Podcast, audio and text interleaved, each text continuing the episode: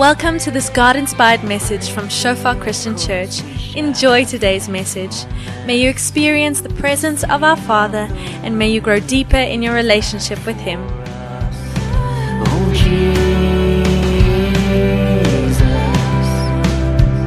your love overruns. Ja, Vader, dankie vir u goedheid, Here. Dankie vir u guns, Here. Dankie dat ons vanoggend hier kan wees, Vader.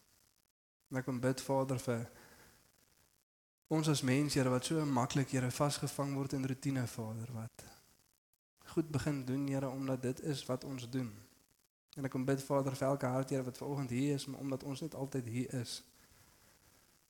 Dat iets binne sal wakker word, Vader, 'n verlange na u, Vader, 'n begeerte, Here. En 'n hoop Vader dat U vandag iets gaan kom doen, Here, iets gaan kom skuif, Vader. Met 'n verwagting sal kom, Here, dat U Uself wil kom openbaar aan ons, Vader. Dat U die God is wat kan en wil lewe gee. Ons kom sê vir U dankie vir dit vanoggend, Vader. En dankie dat ons vanoggend alles van U hand kan ontvang, Vader, of dit 'n regwysing is, Vader, of dit hoop is.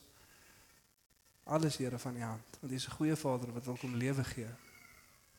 En dankie Here dat ons u woord volkome aanvaar as die finale autoriteit op lewe, Here. Dankie Heilige Gees dat u dit lewendig maak. Dankie Jesus vir u offer op die kruis wat dit moontlik maak. In Jesus naam. Amen. So vir oggend omdat dit lang naweek is, het ons een van die goeie preke uitgehou vir hierdie lang naweek, want die Here sê tog hy is geroep om die goeie nuus aan die armes te verkondig. So die van ons wat nou nog hierso is op lang naweek val nou in daai kategorie as die armes wat nie kon weggaan oor die lang naweek nie, maar die goeie nuus is vir ons. Amen. En vanoggend praat ons bietjie oor almal se gunsteling topik selfbeheer. Selfbeheer. Jerry, selfbeheer. En ek weet van ons dink dalk vanoggend jong, ons is so goed met dit, ons weet nie hoekom ons nou nog daar moet preek nie. Maar hou bietjie vas en kyk ons wat ons vanoggend kan leer oor selfbeheersing.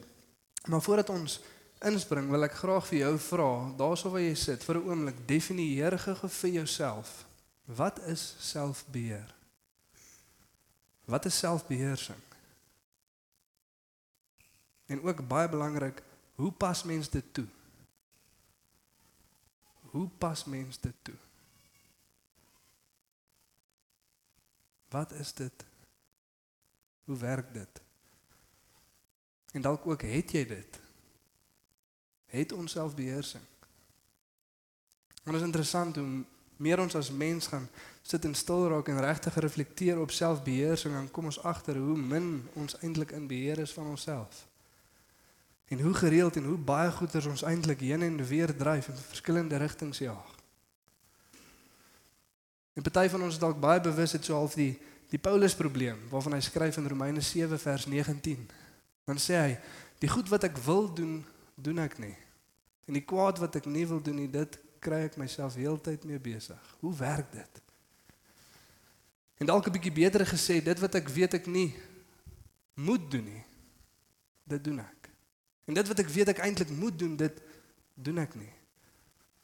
Ek wil nie altyd nie. Ek kry nou en dan in myself 'n begeerte om dit te doen wat nie reg is nie. En ons ervaar dit baie keer in ons geestelike lewe. Partykeer weet ons daar's klomp goed wat ons moet doen, geestelike dissiplines, skrif lees, bid, kerk toe kom, lofprysing. Daar's nie altyd die begeerte om dit te wil doen nie, maar daar's konstant ander goed wat nou en dan ons harte in allerlei rigtings intrek. So ons moet verstaan wat dit beteken, maar weer eens ek hou van die Afrikaanse vertaling van die woord ook Engels. Min definisie nodig. Dis als net daarso selfbeheer om in beheer te wees van jouself, die vermoë om jouself te beheer. Engels self, self-control. The ability to control yourself, to be in control of yourself. En miskien om vanoggend vir ons die vraag te vra, hoe in beheer van jouself dink jy is jy? Vanoggend soos wat ons hier sit. Hoeveel dissipline? Selfbeheersing, dissipline gaan so hand aan hand. Maar hoeveel van dit dink jy het ons? Want jouself sluit in en die probleem wat ons baie keer maak is dit kom by selfbeheersing of dissipline fokus ons hoofsaaklik op ons aksies. En ons dink so of ek kan nogal 'n aksieplan uitsit en daarbey hou.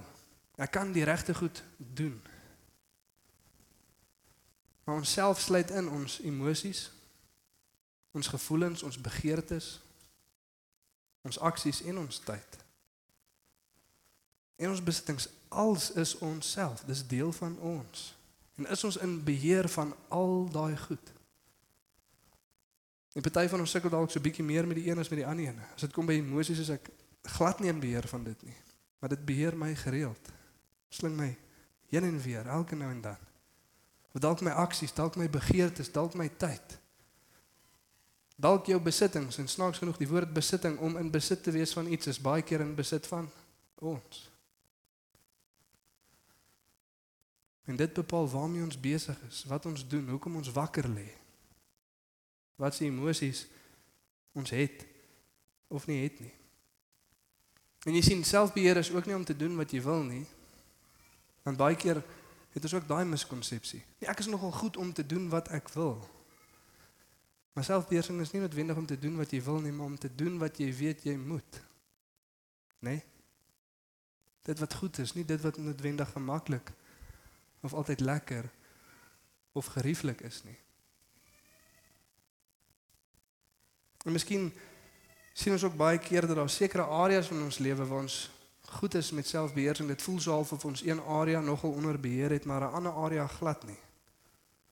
Hoe is dit moontlik? Hoe gebeur dit? En baie keer dan fokus ons half op selfbeheersing, op dissipline veral in 'n geestelike konteks om nie sekere goed te doen nie. Dis half selfbeheersing. Jy kyk vir die koek maar jy eet hom nie.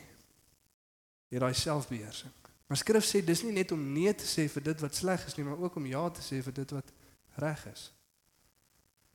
Om te doen dit wat goed is, nie net om jouself te weerhou van dit wat sleg is nie. En miskien om ons vanoggend te vra is daar area in jou lewe waar jy voel jy's nogal goed met selfbeheersing. Pas goed dissipline toe. Antwoord gee vir daai vraag vir jouself. Is daar 'n area en wat is dit? Of miskien was daar 'n area en wat was dit? Jy gou daai vraag vir jouself kan antwoord. Baie belangrik om dit regtig te antwoord. Kry regtig daai ding in jou kop, sê dit regtig vir jouself. Want ons gaan nou-nou kyk op wat dit ook vir ons openbaar en wat dit vir ons wys. En dan miskien soos wat daar 'n spesifieke area is wat mense nogal goed onder beheer het, goeie selfbeheersing toepas, kan dit terselfdertyd 'n area wees waar net glad nie selfbeheersing is nie of baie min. Of ons kry dit gereeld nie reg nie. Ek doen swaar goed vir 'n rukkie en dan val dit plat. Wat is daai area? Sê dit vir jouself. Noem dit vir jouself in jou kop. Hierdie is daai area. Miskien van party van ons is dit 'n spesifieke sonde. Daar's 'n ding wat jy weet jy nie moet doen nie. Weet jy nie moet na kyk nie. Weet jy moet jouself mee besig hou nie, maar keer op keer kry jouself besig met dit. Weer en weer. Kan 'n verskeidenheid van goed wees. Ons tonge. As jy beheer van jou tong. Nie net dit wat jy sê in geheel nie, dit wat jy van ander mense sê, dit wat jy van God sê, Selfs een van die snaakste sondes wat ons as mens geneig is om te oor oor, oor te sien, is kla. God hou regtig nie van kla nie. Jy het dit geweet. Ons gaan in die stuk skrif vandag vanaand daaroor lees. Ek gaan nie daarop fokus nie, maar God sê hou nie van kla nie. Hy het die mense in die woestyn uitgewis, die doodsengel gestuur omdat mense gekla het. Maar is ons in beheer van ons tonge? Beheer oor dit wat ons van ander sê? En baie keer het ons al die verkeerde idee. Stoic, stoicism was al 'n filosofie gewees in die vroeë kerk se era. Met die Grieke. En hulle het so half die idee gehad dat selfbeheersing en hulle is ook die een wat met daai Griekse woord vorendag gekom het, selfbeheersing om beheer te wees van jouself beteken dat jou intellek, jou gedagtes, jou kop, jou wil en intellek heers oor jou emosies, jou aksies, jou begeertes en jou gevoelens. Self self. Ons gaan dit self regkry wilskrag toepas. En baie keer het ons daai selfde idees dit kom by dissipline en selfbeheersing of ek nou daarvan hou of nie ek gaan myself forceer ek gaan hard probeer om dit die keer te doen. En sien die miskonsepsie wat ons baie keer het as ons so dink, is dat ons dink ons intellek en ons gedagtes is minder geaffekteer deur sondes as wat ons emosie en ons gevoelens is. Dis nie waar nie. Veral in ons westerse wêreld. Ons dink baie keer ons intellek, ons vermoë om te redeneer en te dink is nie so geaffekteer deur sonde soos wat ons emosie en ons gevoelens is nie. En daarom moet ons intellek heers oor die res van ons. Maar die Bybel gee nooit vir ons daai idee of daai prentjie nie. Dis nie die Bybel self beheersing sien nie. Dis nie wat God van ons verwag nie en dis baie keer waarmee baie van ons sukkel om harder te probeer en dit werk net nie. Hierdie keer gaan ons hard probeer. En ons bestaan die probleem so klein bietjie verkeerd. Maar kom ons lees hierdie stuk skrif en dan kyk ons wat ons vanoggend kan leer. Ons gaan lees in 1 Korintiërs 9 van vers 23 tot by hoofstuk 10 vers 14. Dit sê die volgende: Dit alles doen ek ter wille van die evangelie. Is Paulus wat besig om te praat van sy bediening dat hy alles word vir alle mense om mense te wen na die evangelie toe. Die werk wat God vir hom gegee het. En hy sê dit alles doen ek ter wille van die evangelie sodat ek aan die vrug daarvan deel kan hê. Weet julle nie dat atlete wat aan 'n wedloop deelneem wel almal hardloop, maar dat net een die prys ontvang nie? Hardloop dan so dat jy die prys kan wen. Almal wat aan 'n wedstryd deelneem, ons sê hulle self allerlei dinge. Soof dan nie Grieks pas selfbeheersing toe in alle areas. Die wie die Engels sê dit nogal mooi. Exercises self-control in all things. So nie net onthou ek myself in sekere dinge nie, maar ek doen ook sekere dinge, selfbeheersing in alle areas. Hulle doen dit om 'n verganklike oorwinningskroon te verkry, maar ons onverganklik. Ek hardloop dan ook soos een wat nie van sy doel onseker is nie. Ek slaan soos 'n bokser wat nie in die lug slaan nie, maar ek oefen my liggaam en bring dit onder beheer sodat ek nie ander tot die stryd oproep en self nie kwalifiseer nie. Broers, ek wil julle daaraan herinner dat ons voorvaders almal onder die beskerming van die wolk was en almal veilig deur die see gegaan het. Omdat hulle almal vir Moses gevolg het, is hulle almal in die wolk en in die see gedoop. Almal het dieselfde geestelike voedsel geëet en almal het dieselfde geestelike drank gedrink. Hulle het gedrink uit 'n geestelike rots wat met hulle saamgegaan het. Die rots was Christus. Tog was God met die meeste van hulle nie tevrede nie, want hulle het in die woestyn omgekom. Hierdie dinge het gebeur as voorbeelde vir ons dat ons nie soos hulle deur sondige begeertes moet laat dryf nie. Julle moenie afgodsdienaars word nie, so sommige van hulle oor wie daar geskrywe staan. Die volk het gaan sit om te eet en te drink en het opgestaan en hulle aan uitspattighede oorgegee. Laat ons ook nie onsedelikheid pleeg nie, so sommige van hulle onsedelikheid gepleeg het en op een dag het daar 23000 omgekom. Laat ons nie Christus nie uittart nie, so sommige van hulle hom uitgetart het. En hulle het deur slange omgekom. En moenie teen God in versetting kom nie. Die ander vertaling sê moenie mor nie. Moenie kla nie. So, dis hoe ons teen God in versetting kom. So sommige van hulle in verset gekom het. En hulle het deur die engel van die dood omgekom.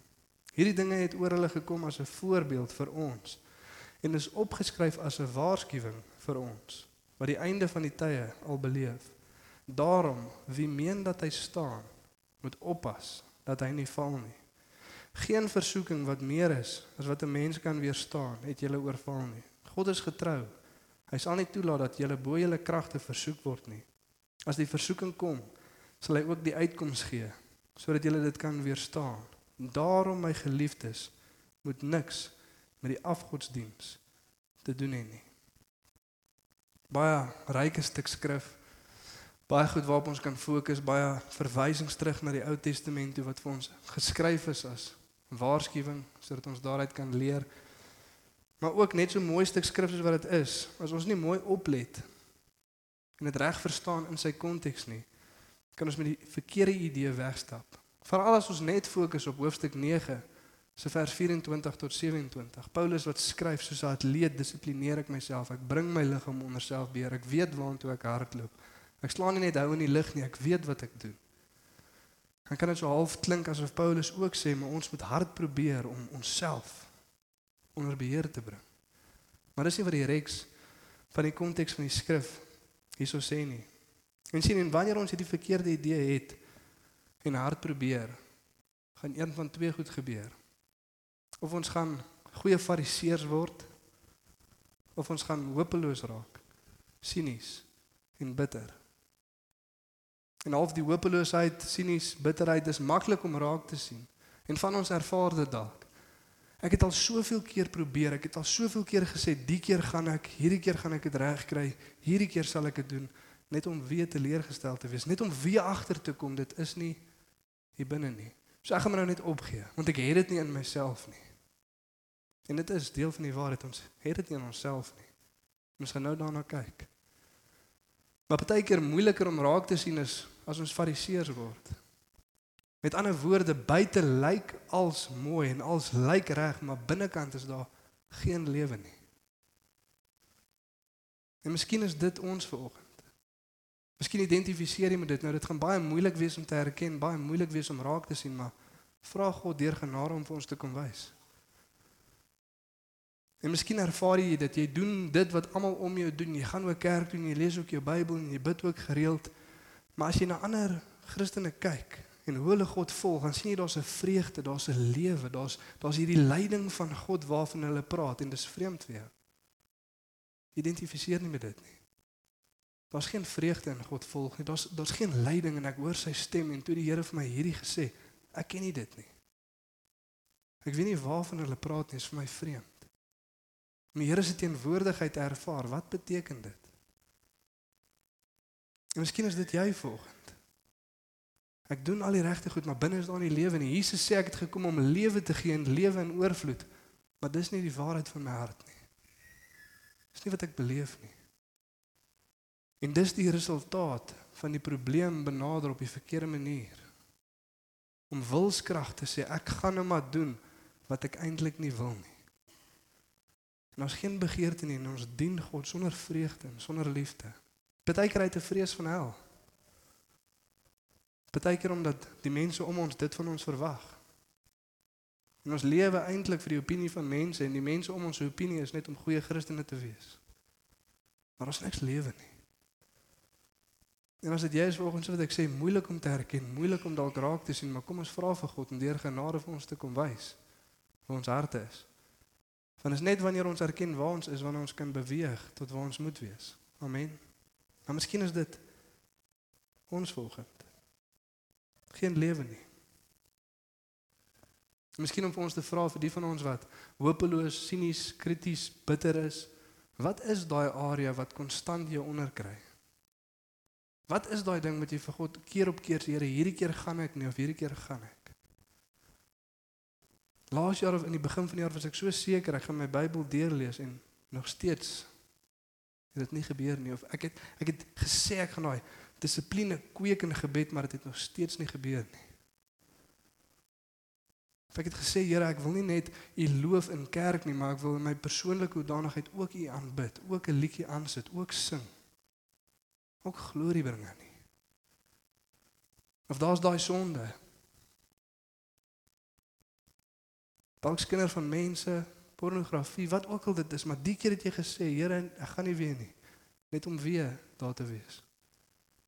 Dit gebeur net weer. Wat is dit? Dit is belangrik vir ons om dit te herken want daar's 'n probleem, ons moet dit benader op die regte manier. Dis wat ek sê ons verstaan die probleem van selfbeheer verkeerd en dan benader ons dit verkeerd.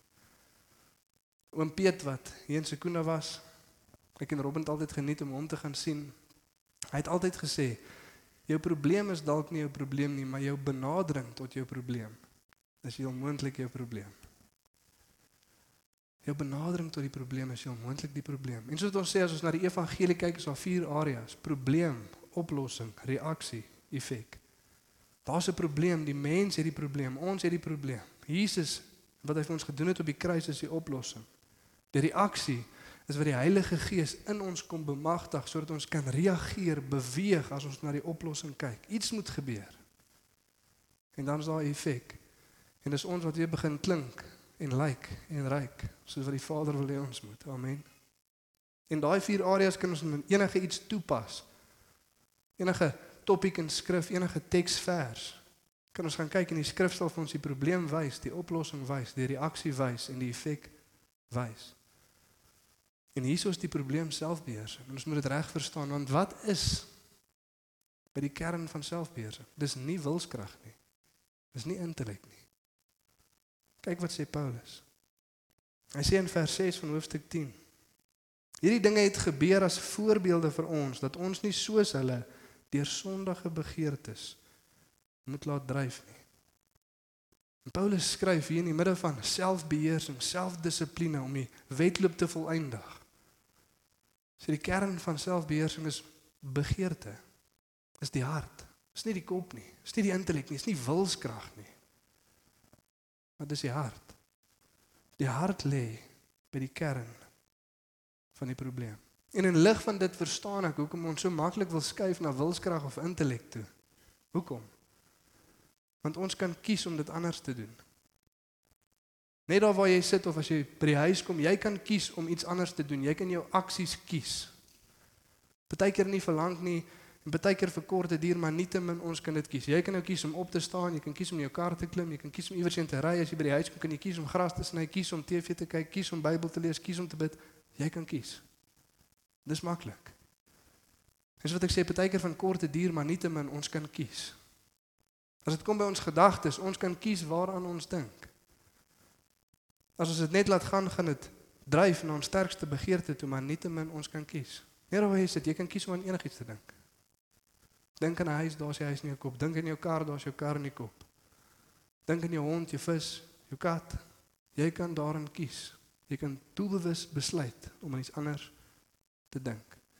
Maar as dit kom by die hart, as dit kom by die begeertes, dit kan ons nie kies nie. Jy kan nie gou besluit om iets te begeer nie. Jy kan nie gou besluit om iets te wil hê nie. Jy kan dalk weet wat jy veronderstel is om te begeer, maar dit maak nie dat jy dit doen nie. Amen. En sien baie keer in Christendom verwar ons daai twee goed. Ons weet wat ons veronderstel is om te begeer. Maar dis nie wat ons eintlik begeer nie. In selgroep dan speel ons 'n game Turkeys and Eagles. Sulke kaartjies en wat ons allerlei woelige vrae vra. vra. Wat is die belangrikste ding in jou lewe? En dan elke keer as hierdie vraag opkom, dan sit ons al dan en kyk ons ook vir mekaar. Ons weet wat die antwoord moet wees. Maar ek weet nie of ek nou eintlik wil sê wat dit regtig is nie. Ek weet wat dit moet wees, maar dit is nie noodwendig wat dit is nie.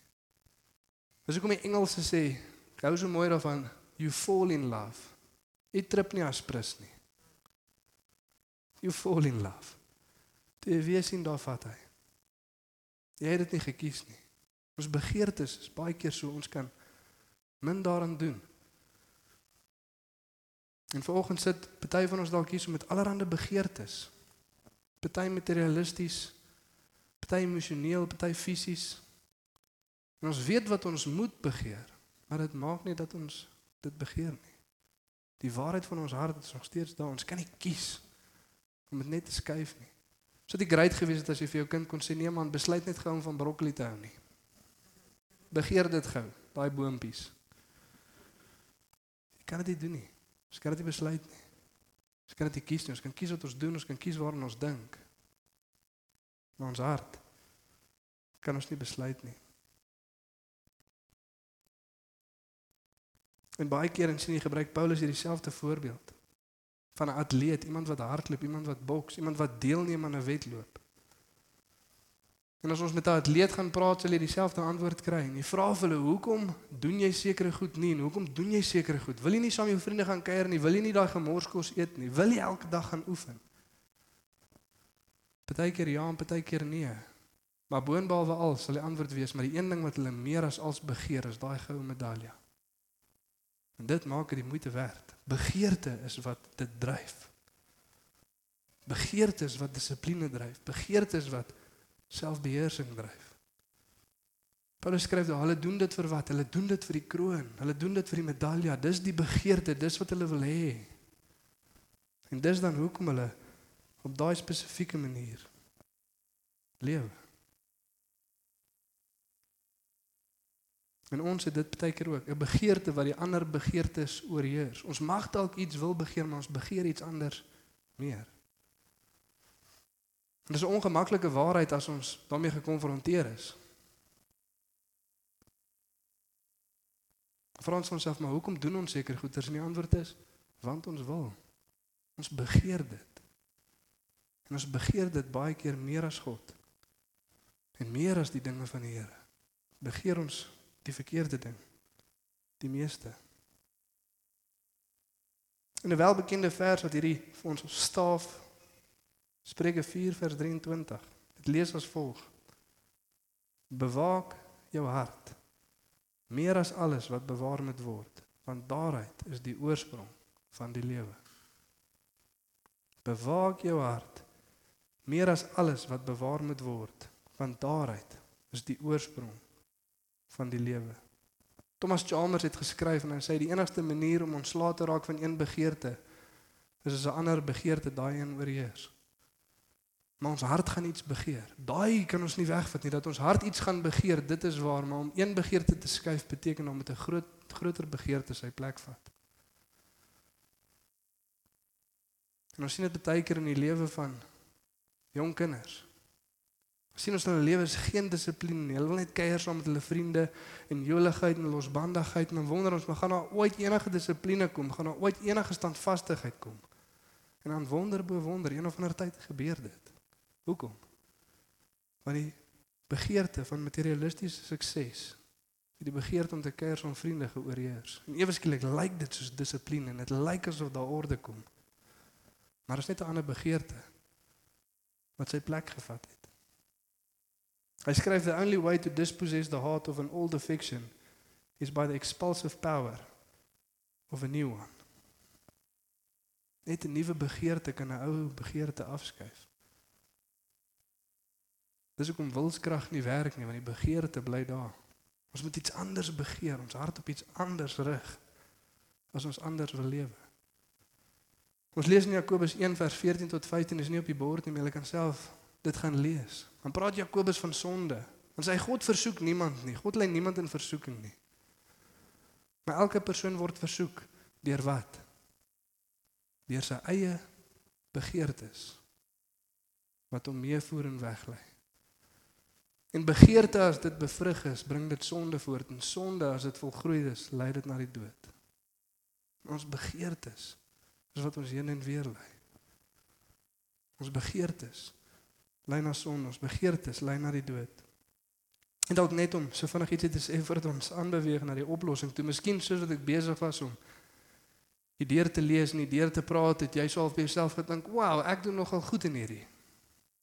Ek het hierdie nogal onder die knie ek kan hierdie doen. En Paulus het ook so 'n idee gehad dat party mense dit gaan dink soos wat hy skryf en dan sê in vers 12 net so voordat hy die oplossing gee. Dan sê hy die volgende: Daarom wie meen dat hy staan, moet oppas dat hy nie val nie. In lig van selfbeheersing en lig van wegbly van afgodsdienst en lig van ons begeertes op die regte goed rig. As jy dink jy staan, moet jy oppas dat jy nie val nie. En Paulus skryf hy wat meen hy staan. Met ander woorde as ons dink dat ons selfbeheersing en dissipline as dit kom by dit wat God van ons verwag self onder beheer het of ons het nogal selfdissipline. Ons hoef nie in accountability met mekaar te lewe nie. Ons hoef nie oop en eerlik met almal alles te deel want ons het hierdie nog alles onder beheer. Ek kan hierdie self doen. Besop dat jy nie val nie. Hoekom? Want Paulus sê jy het heel moontlik selfbeheersing met afgodsdiens verwar. Nou dit klink vreemd. Hoe's dit moontlik? Hoe kan ons selfbeheersing met afgodsdiens verwar? Jy sien elke keer as ons ek hou so ek hou meer van die Engelse woord idolatry. Afgodsdiens klink vir ons 'n bietjie ver verwyderd. Afgodsdiens, nee, ek sal nooit 'n ander god aanbid of wat daai gelowe volg nie. Afgodsdiens is om enigiets anders as God te aanbid. Kan onsself wees. 'n afgod wat ons baie keer miskyk is Mammon. Hy het sommer 'n naam in die Bybel. Definitiewe afgod. Hy's daar. Besittings, ons kinders, verhoudings, werk, Daar's soveel ander goed wat ons die middelpunt van ons lewens kan maak, 'n begeerte kan hê bo God. Dis afgodsdiens. En Paulus sê moenie afgodsdiens met selfbeheersing verwar nie. Want jy sien, as ons 'n afgod in ons lewe het, iets wat ons begeerte steel, iets wat ons hart het, gaan dit vir ons 'n skyn van selfbeheersing gee in sommige areas van ons lewe, maar nooit in alle areas nie. En ons sien dit baie keer. Kom ek gee vir ons 'n voorbeeld, verhouding. Ons Afrikaners het die term muisneste. Muisneste. Jy al gesien as iemand muisneste het? As iemand verlief raak op 'n ou of op 'n girl. En daar gaan hulle en kyk as dit kom by daai verhouding is daar dissipline. Hy's op tyd en hy stuur briefies en hy koop goedjies. Maar elke liewe ander area van sy lewe is 'n gemors. Kom by niks anders uit nie. Dis al wat sy aandag steel is hierdie verhouding met hierdie girl. En is mooi en daar sien ons 'n skyn van selfbeheersing in 'n area terwyl die ander areas chaos is. Daar's niks daar nie. Werk. Sukses in werk om by die leertjie op te klim. As dit die middelpunt van jou lewe is, dan gaan dit vir jou 'n skyn van selfbeheersing gee. Werksetiek, soos wat Herman gesê het, ons het nog nooit gedink eers daai ou werk hard huis op pad hel toe nie. Want dit lyk goed. Dit lyk na 'n goeie ding. Maar baie keer dan sien ons 'n skyn van selfbeheersing want hy's eintlik nie in beheer van homself nie. Daai ding steel alles in sy lewe. As dit kom by tyd saam met familie om 'n rusdag te vat wat God van ons verwag, dan gebeur daar niks. En die oomblik as dinge nie gaan by die werk soos wat dit moes nie, dan is emosie in beheer. En die geduld is nie daar nie en daar's woede uitbarstings of depressie. Hoekom? Want dit is 'n skyn van selfbeheersing, maar eintlik het anders iets anders beheer van jou. En dan wanneer alles uitmekaar uitval, die werk, die besittings, die geld, as dit nie lyk soos wat dit moet nie en die emosie neem oor, dan lei dit baie keer na ander verslawings toe. Alkoholmisbruik, dwelms, om met hierdie te cope en te deel. Want dit is nie standvastig nie. Dit is nie veronderstel om so te lyk nie. Dit is nie veronderstel om so te gebeur nie. En miskien sien ons dit in ons lewens. En een definisie van sonde wat ek hierdie week raak gelees het en dis al wat gebeur met afgodsdiens. En om dit net te besef. Dis wanneer ons die regte begeerte op die verkeerde manier wil bevredig. Sonde is as ons die regte begeerte op die verkeerde manier wil bevredig. Daar is 'n gat, daar is 'n leemte, ons hart begeer iets, ons hart verlang na iets, maar as ons die verkeerde ding daar sit, dan is dit sonde. En soos wat Paulus skryf in vers 25 van hoofstuk 9, dan sê hy die atleet pas selfbeheersing toe in alle areas. Alle areas, nie net sommige areas nie. En daai ek het in die begin vir ons gevra, wat is daai area in jou lewe waar jy goeie selfbeheersing toepas? Die ander areas lyk so bietjie soos 'n gemors, maar daai area lyk goed. As dit waar is van jou lewe dat daar 'n enkele area is waar jy goeie selfbeheersing toepas, besop dat dit nie afgodsdiens is nie. Besop dat daai ding nie 'n begeerte geraak het in jou lewe nie. Jy's toegewy aan daai ding dit. Jy jy sal alles reg kry. Maar die res van die goed val so 'n bietjie uitmekaar uit. Besop want jy verwal daar selfbeheersing met afgodsdiens. Iets anders het jou hart. Wees baie versigtig. So ons moet ons hart rig op iets. Maar waarop moet ons ons hart terug? En hoe doen ons dit? Is dan nou die vraag.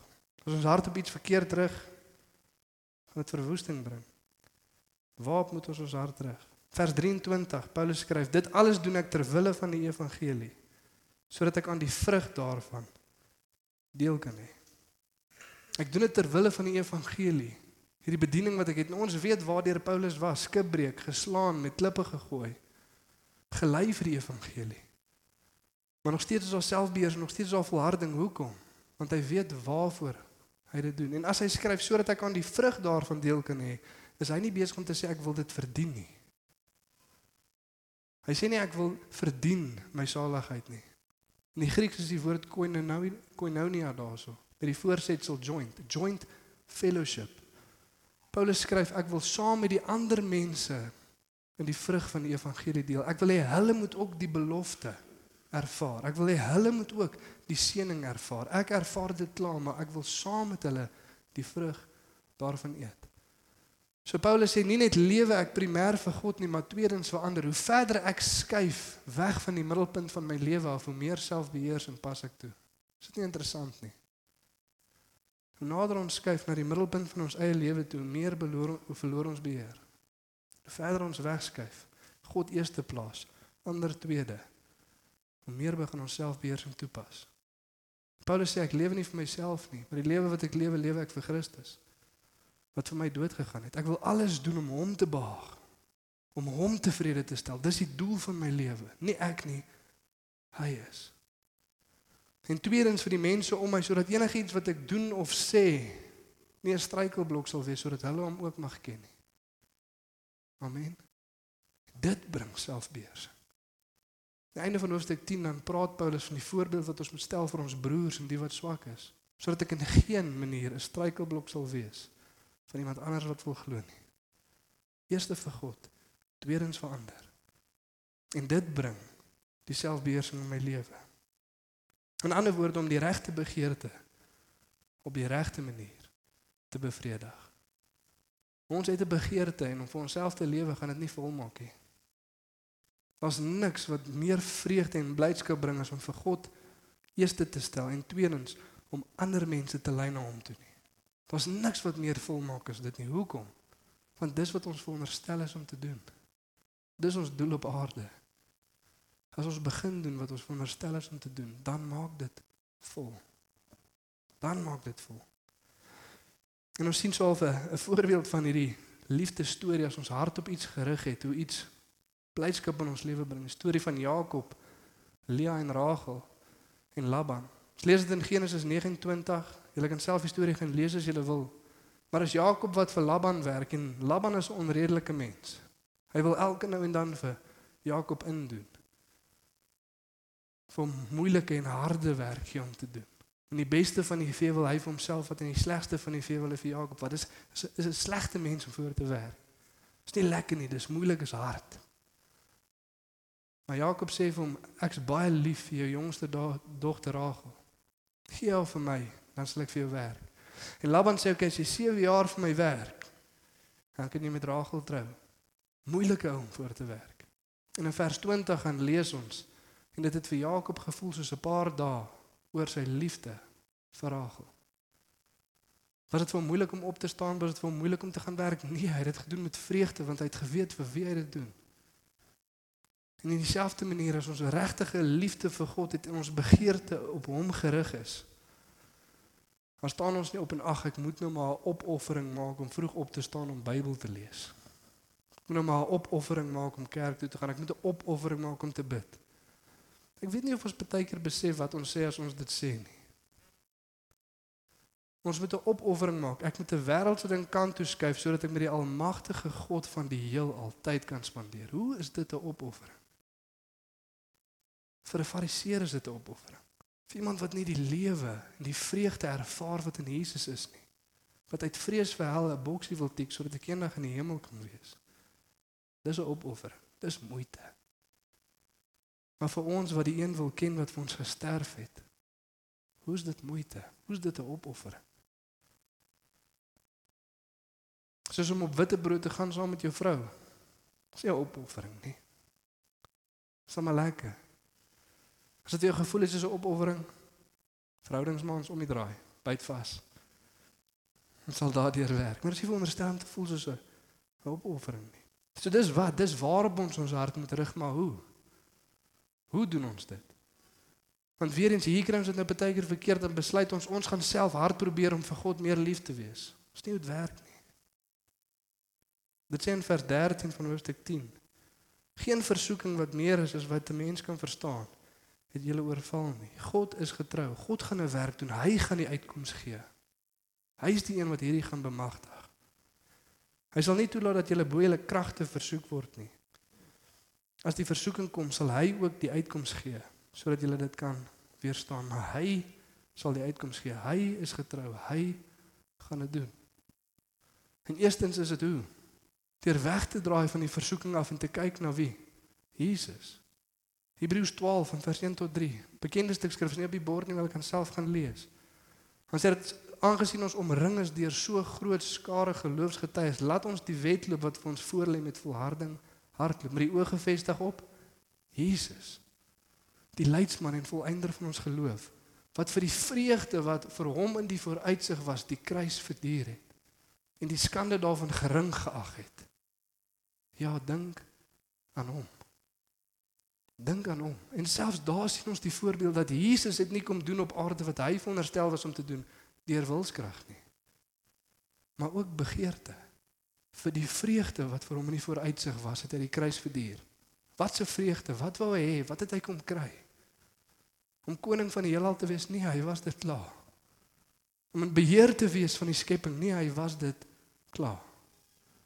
Maar daar's een ding wat hy kom haal het, daar's een ding wat hy begeer het en van daai vreugde het hy die kruis verduur en dis vir jou en vir my sodat ons in verhouding met hom kan leef en as ons dit sien en as ons dit besef, dan skuif dit ons hart na hom toe. En party van ons besef dit in ons kop vanoggend. Ons besef dit nie in ons hart nie. Ons het al soveel keer dit gehoor, maar ons het nog nooit gaan sit en daarin gedink nie. Om gaan mediteer, word stil en weet dat hy God is, gaan sit en dink daaraan, gaan mediteer op dit. Kyk na hom, dink aan hom. Moet dit nie net hoor nie. Maar laat toe dat dit deel raak van jou. Hoe? Deur vir God te vra, Here, ek sien dit. Maar ek sukkel om dit te verstaan. Kom maak dit waar in my hart. U moet kom openbaring bring. Want ek het al soveel keer gehoor maar nog nooit besef nie. Nog steeds probeer ek hard om u lief te hê want ek besef nie wat daai dag op die kruis gebeur het nie. En ek glo dit dalk vir ander mense, maar nie vir my nie. Om hulle te kom haal, maar nie vir my nie. Dink daaraan laat God daai werk deur die krag kom doen. So eerstens is dit om te kyk na Jesus en te mediteer op die liefde van God en die voorbeeld van die kruis. En tweedens om dan vir God te vra om die uitweg te bring. Here kom doen 'n werk in my. Kom skuif U my hart. Dawid bid en sê skep in my 'n rein hart o Heer. Skep U in my 'n rein hart want ek kan nie. Gee weer vir my die vreugde van my verlossing. Hoekom? Want ek kan nie. Ek kan klomp goed doen, Here, maar hierdie hart kan ek niks doen nie. God sê hy sal die hart van klip uithaal en hy sal hart van vlees insit en hy sal sy gees op ons uitgiet en dit sal veroorsaak dat ons in sy weë wandel. Maar hy is die een wat die werk doen. Hou op hard probeer, gee oor. Ons moet uitroep, Here, help. Here, help. Ek besef die kondisie van my hart en ek vra vanoggend, Here, help. Ek weet wat ek veronderstel is om te begeer, maar ek begeer dit nie. Here, help. Ons lees in 2 Timoteus 1:7, want God het ons nie 'n gees van vreesagtigheid gegee nie, maar van krag en liefde en selfbeheersing. God het nie vir ons gegee wat ons nie nodig het nie. Ons het dit nie aan onsself nie. Die Gees moet dit kom bewerkstellig. Galasiërs 5:22. Maar die vrug van die Gees is liefde, blydskap, vrede, lankmoedigheid, vriendelikheid, goedheid, getrouheid, sagmoedigheid en selfbeheersing. Dis 'n vrug van die Gees. Ons het dit nie in onsself nie. Ons moet vir God vra om dit te kom doen in ons lewens. Ons moet uitroep, Here, help. Selfs met die ander vrug van die Gees ook. Partykeer probeer ons hart lief wees. Ons probeer 'n hart lankmoedig wees, 'n hart sagmoedig wees. In plaas van om vir die Here te sê, Here, ek erken ek het dit nie in myself nie. Vra vir die een wat vrylik gee. Here kom doen dit in my. Maar ek het dit nie in myself nie. Ons lees dieselfde in Filippense 2 vers 12 tot 13. Dit sê daarom my geliefdes, soos julle altyd gehoorsaam gewees het, nie in my teenwoordigheid alleen nie, maar baie meer nou in my afwesigheid. Werk julle eie, heil uit met vrees en bewering, want dit is God wat in julle werk om te wil sowel as om te werk na sy welbehae. En weer eens baie keer dan lees ons dit en sê ons moet ons eie heil uitwerk, ons eie verlossing met vrees en bewering. Ek gaan hard probeer, maar ons sien nie daar's 'n daarom en daar's 'n want nie. Wat is die daarom? Die daarom wat Paulus verduidelik het dat Jesus Christus was gehoorsaam tot die dood, selfs dood aan die kruis. Dis die evangelie. In lig van wat Jesus vir ons gedoen het, daarom kyk na hom, daarom. En nie net daarom nie, maar ook want, want dit is God wat in julle werk om te wil en te werk. Hy gee vir jou die begeerte en die vermoë om te doen wat hy van jou verwag. Jy het dit nie in jouself nie. Hy gee die begeerte en die vermoë. Het jy dit al ervaar? Soos dat ons in 'n preek sit, soos dat ons 'n boek lees, soos dat ons besig is met iets, ewe skielik kom daar 'n begeerte. En jy dink so al van jou Bybel wat daar by die huis is, ewe skielik lyk dit so aanloklik. En daar's 'n begeerte om dit te wil lees en te wil ken. Het dit al met jou gebeur? Of jy luister 'n preek of iets gebeur en ewe skielik kom maar 'n begeerte wat in jou opgewek is oor gebed en ewe skielik lyk dit net so soet, so mooi om daar te sit en met God te praat. En ons 'n begeerte om jou hart vir hom te gaan uitstort. Of iewers soos wat jy besig is, is daar begeerte en jy dink aan die mense by die werk of in jou familie wat God nie ken nie en ewe skielik is daar begeerte om met hulle die evangelie te gaan deel. Om vir hulle te bid. Maar iets wat nie in jouself is nie. En dan môreoggend as jy opstaan, jy maak jou Bybel oor daai begeerte weg. Of jy wil gaan bid en dan is daai gevoel weg.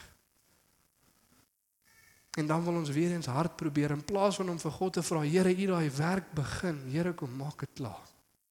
Here, kom wek dit weer op in my. Want ek erken vanoggend ek het dit nie in myself nie. Ek begeer alweer iets anders. Maar Here, die skrif sê U is die een wat in my werk om te wil en te werk, om die begeerte te gee en die vermoë om te doen wat U van my verwag. Asseblief, Here, kom help. Party van ons het dit al ervaar. En vanoggend sit ons gaan bid, wil ek hê met die Here vra, Here, kom doen dit weer. Here, kom wek dit op. En baie keer is ons trots in die pad. Nee, ek wil nie gaan vra nie, ek wil dit self doen. Jy kan nie self nie.